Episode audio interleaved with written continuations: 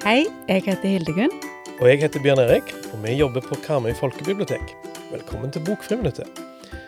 Har du med deg ei bok i dag? Ja, jeg har med meg ei bok som heter Vi er ulver av Katrina Nannestad.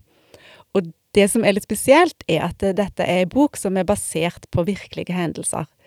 Karakterene i boka de er oppdikta, men ulvebarna, som boka handler om, de var virkelige.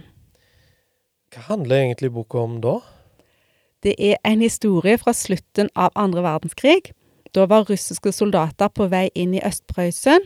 Det var et område som hørte til Tyskland. Og familien Wolf de ble nødt til å flykte. Liesel, Otto og lillesøstera deres Mia, som er hovedpersonene i boka, da, de ender opp alene i en snøstorm midt i krigssonen. Eh, og Liesel hun har lova mora si at hun skal passe på at ingenting galt skjer med broren og søstera. Og nå må de prøve å overleve med å bo i skogen, helt alene, finne mat på gårder i nærheten, snike seg rundt, eh, finne mat i naturen, og så må de passe seg, for det kan jo være russiske soldater i nærheten. Og alt dette her skjedde faktisk. Det var veldig mange barn som kom bort fra foreldrene sine og måtte klare seg sjøl. Og de ble kalt ulvebarna. Dette høres jo egentlig altfor spennende ut. Um, Ja. Men hvem kan denne boka passe for, da?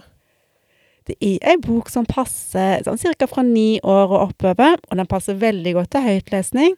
Og alle som liker historier fra krigen, da, syns at det er spennende, og som liker historier som er litt triste òg, de tror jeg liker denne boka. Og hvis du som hører på har lyst til å låne denne boka, så kan du komme til Karmøy folkebibliotek og låne den.